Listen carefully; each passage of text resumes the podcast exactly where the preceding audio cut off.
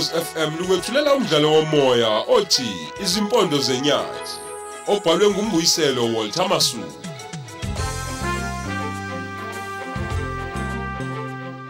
Sikwethulela istep sokuqala.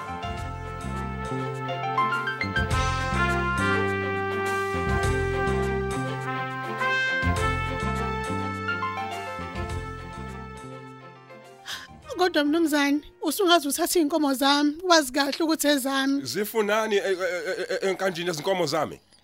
Inkomo zami zona ayibona ukuthi sezidla endaweni engafanele. Angine ndaba mina nalokho. Umthetho uthi izinkomo zomuntu ezingena edlelweni lezinkomo zami ngiyazibopha. Ngiyakucela manje, ngiyakucela ngiyaxolisa ngeke kuze kuphinde Angine kwenzeke. ndaba nalokho. Uzokhipha ngemali manje. Hawu. Ngifuna u6000 rand ngalezi inkomo zakho. Imali engaka uthi mina ngiyithathe phi? Angine ndaba nalokho. Ngikunika 7 days ukuthi uyikhokhe. Uma wehluleka ukuyikhokha, ngizozidayisa lezi nkomo.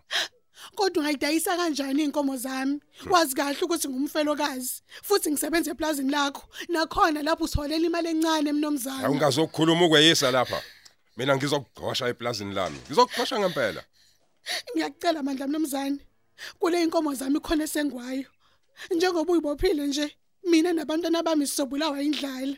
Ngiyakucela bandla. Eh, we- wena ukhuluma kakhulu futhi uyedelela. Ngeke ngikunike ungayikhiphile inhlawulo engiyifunayo. Awuzwa? Mnomzane ngiyayincengela bandla bo ngiyakucela ngiyakucela Nkosi yami. Lezi inkomo yona into kuphela umyeni wami asishela yona nezingane. Ngiyakucela yona into esikwazi ukuyiphilisa ngayo. Eh, Sengiqedile ukukhuluma nawe. Buyela emsebenzini. Awu. Buyela. Mnomzane ngiyakucela bandla ngiyakucela. Sengizoyiqaphela inkomo zami. Ngiyakuze kuphinde kwenzeke. bandla. Ah, sengizokucasuka manje. Ngithe buyela emsebenzini. Lezi nkomo uzozithola. Sewungiphethele imali yami. Ngizibophile manje. uzithathe zonke ziyishumi nambili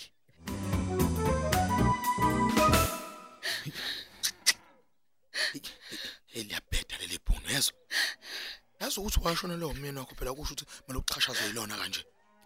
Okubuhlungu nje ukuthi kule inkomo eziboshiwe khona nesengwayo iyona ke siyiphilisa ngayo nabantwana bami. Imake u- u- u- ulitshelile kodwa lokho? Ngimjayinile kodwa nje cha akanendaba. Eliyelisa leli bhunu hey yazi ukuthi alizali aninazo ngisho nezingane akusho ukuthi kumele leyo ngcindezi elikulona li- liyikhiphele kuthina mani? Eyi, mina ngazi nanokuthi ngizokwenza njani nje ukuthi ibuye inkomo zami?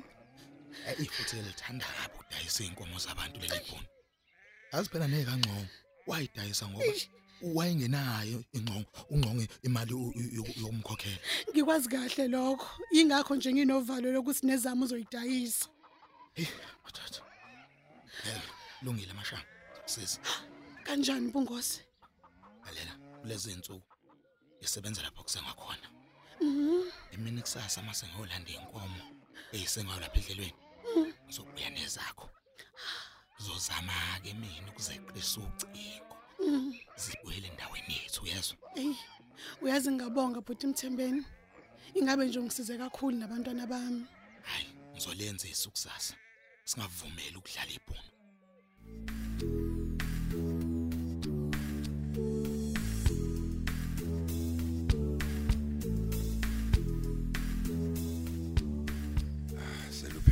Usuku lanamuhla. Umuntu akaphumule sibone olakusasa. Uyakugqilaza lo msebenzi waseplazini Stoffel. Kufanele kube khona omunye ozokusiza. Cha cha cha ngidinge umuntu. Ngilunge ngingedwa. Angeke ngibe nayo imali yokumholela leyo muntu. Uyaqilazeka kodwa baba. U- Ukhona umtshali e- induna yami lapha eplazini. Uyangilekelela kakhulu. Izinto ziba lula mangenaye. Uma kungakugqilazi kungconoke. Kusasa usakhumbula ukuthi kufanele sihambise iorder lezinkukhu esitolo esidayisa inyama ethosiwe edolobeni. Oh. Konje lesithathu kusasa. A- Abadinga izinkukhu ezingaki? Bafuna ezingu200. Ah, kuzofanele ngifonele umshali. Ngimazise ukuthi kufanele kube khona ozovuka ngo4 ekseni. Bazonquma bachuthe izinkukhu ngomshini. Ya, impela kufanele kanjalo. Basheshe bavuke beyozinquma. Eh, No driver kufanele asheshe azambise. Ngo7 ekseni zibe sesisitolo eFryhead. Asidle kuqala isidlo sasebusuku ebese uyamfonela umjali. Ah, danke Lizet. Sengilambile kakhulu. Ngikuphekela ukudla okuthandayo, i-stiff pap nebolros. Yama. Mm. Kunento engicasulayo ngizwa ukuthi lo hulumeni ufuna ukuyenza. Ngabe yini leyo? Bathi bafuna ukuthatha amaplaza ethu. Awanika abantu abamnyama. Ngoba Bathi babuyisela umhlaba kubantu abamnyama owathathwa ngo1913. he, ukuthatha block. Ah, Ngizwa ngomngani wami u- uKos wasengoje. Hawu Stockfell. Angithi babethe umuntu akavolontiya ukudayisa ngeplaza lakhe ku ku government. Ah bekunjalo. Sebeyashintsha manje ziyajika izinto. Ikuphi manje sebefuna ukwenza? Ikuphi ngempela? Uthi eh, bazofika lapha eplazini abomnyango wezemhlaba. Banginike leyo mali abayithandayo bese bethi angiphume eplazini. Bayabheda. Bezwe ukuthi sifuna ukwadayisa inamaplazi ethu. U- uKos uthi emhlanganweni obukuwona eFryhead batshelwe ukuthi uhulumeni ufuna ukubuyisa umhlaba esawuthatha ngo1913 kubantu abamnyama. Oh, okay. Bafuna ukwenza njengaseZimbabwe manje. Cha cha cha yabenzi njengeZimbabwe I- i- iSouth Africa isebenzisa ubulungiswa ngaso sonke isikhathi mayenza izinto. Uyayazi kahle lento kagovernment afuna ukuyenza ukuthi izomdalela ama problems anzima kabi. Angazi mngami angazi. Angazi kungani bengafundi ngesimo saseZimbabwe njengoba baqosha abalimi abamhlophe. Basala namaplazi abahlulekayo ukuwamela. Amaplaza amaningi aseZimbabwe abekhiqiza ukudla okuningi. Hmm. Futhi umnotho wakhona ungeniswa yezolimo zasemaplazini. Kodwa namuhla lawo mapulazi amila isikhotha. Abantu bakhona babulawa indlala. Okusho ukuthi le nto yaseZimbabwe bayayithanda. Bafuna nalapha eSouth Africa kwenze kanjalo. Uma uma nje bekhuluma ngendaba yokubuyiswa komhlaba kubantu kufanele umuntu acabange ngenye indlela manje. Mhm. Pho ucabanga ukwenza njani Abe Stockfell? ngingakacabangi lutho Lizette. Ingakho nje ngixoxa nawe le ndaba. Ngifuna siyibonisane. Bazokhona yini abantu abamnyama ukulima amaplazi? Alutho. Behlulekile nje ukulima lana kahulumeni abawathenge ngohlelo lwe-willing buyer, willing seller. Iningi lawo aseyifusi awasalinywa. Uyabona ke? Njengoba behlulwa ambalwa nje, amaningi bazowaphatha kanjani? Bazowaphatha kanjani nje ngempela? Bona bazitshela ukuthi njengoba besisebenzela kuzoba lula yonke into masebezimele. Bacabanga ukuthi kuyadlala ukuphatha iplazi. He. Ukuthi basenza basebenza kulona akufani kunoliphangu nokuliphatha, akufani nje ngempela. Isizwe sase-South Africa sizobulawa indlala ngoba ukudla kuyobe kungasekho ngeke asalinywa lamabhulazi ethu.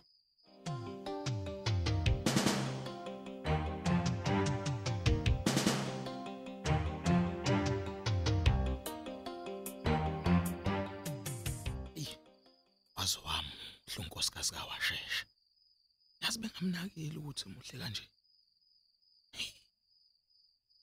Yabona yena usanda kushonela umyeni wakhe.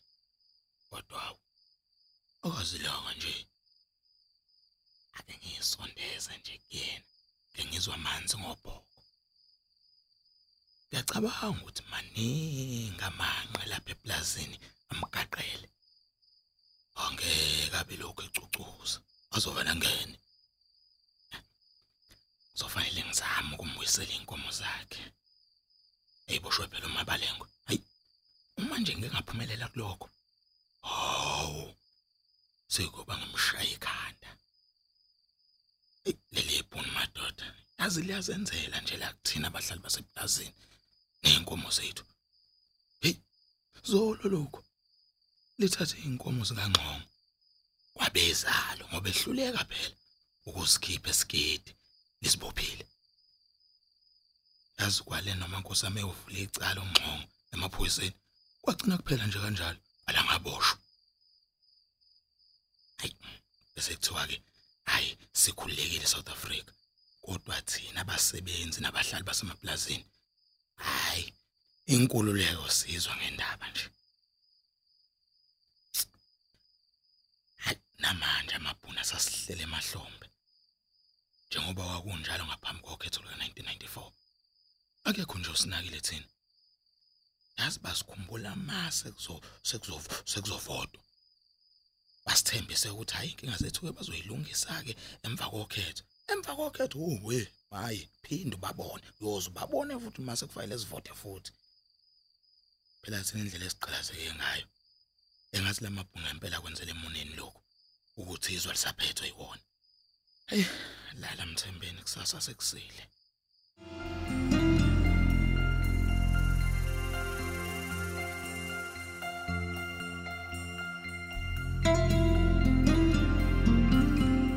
Baba kasinamuva.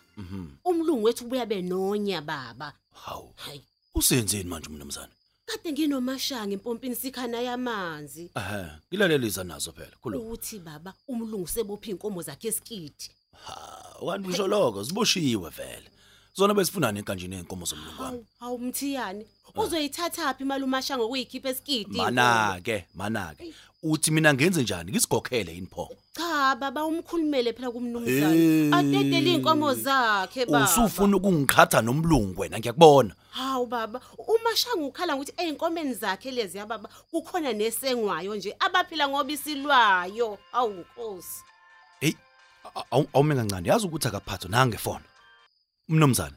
ezondo kusase kuseni ngo7 Mm, kufuneka izinkukhu esitolo esidayisa inyama edolobheni efryhead yebo mlungu. Eh, ngakho ke njengamanje khetha abantu abazovuka ngo4 ekseni bayonquma bachuthe izinkukhu Yebo mlungu wami, yebo mlungu wami. bese utshele no driver uBazuka uthi akavuke ngo6 kufanele athathe lezo zinkukhu aziphuthumise edolobheni Ngizwile mlungu wami. Ngiya- ngiya- Ngiyakuzwa mlungu. yenza ngiyakuzwa. njengoba ngisho ke Yebo, yaphuthuma leli order. Yebo mnumzane, yebo mnumzane.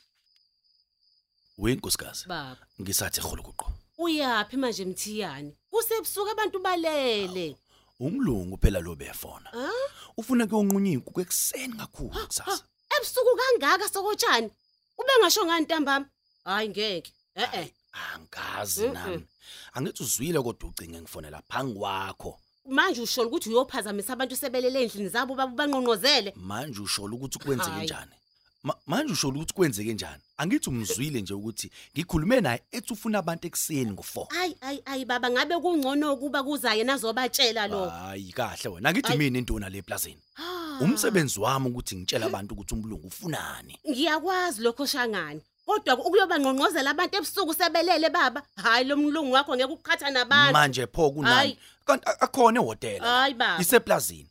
Lo mlungu kufanele ukuthi sizwe ngaye ukuthi ufunani wemazwana. hayi hayi angisasho lutho ke kodwa wena nalomlungu wakho la Eh lalela la ngikutshele wena ngizibekanga ukuthi ngibe induna la. Oh. Ngabekwa uyena. oh No ngangithandi mina uyoza ngithande hayibo hayibo njalo baba waqaphela abantu bayakhuluma la ngaphandle Hayi suka. Anginendaba nabantu abakhulumayo mina. Ngiyababona bahalela sona lesikhundla sami sokuba induna.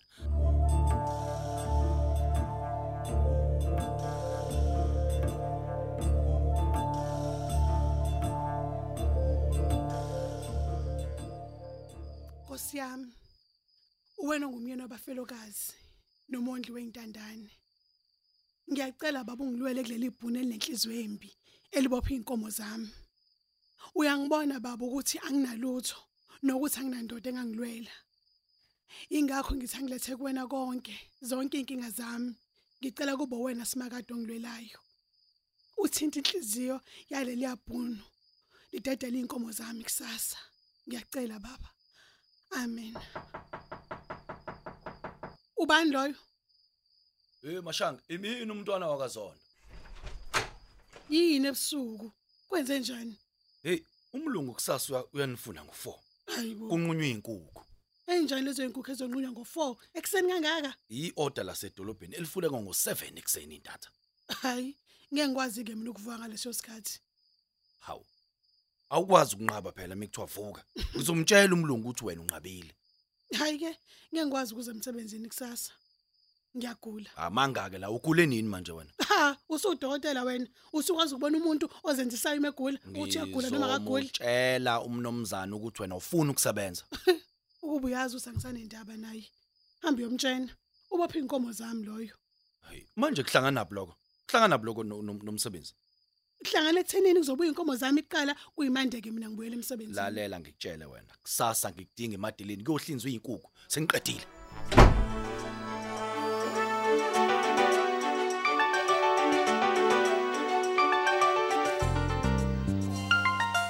Siubeka lapho umdlalo wethu osihloko sithi izimpondo zenyathi. Qinisekisa ungaphuthelwa isiqephu esilandelayo ukhozi FM.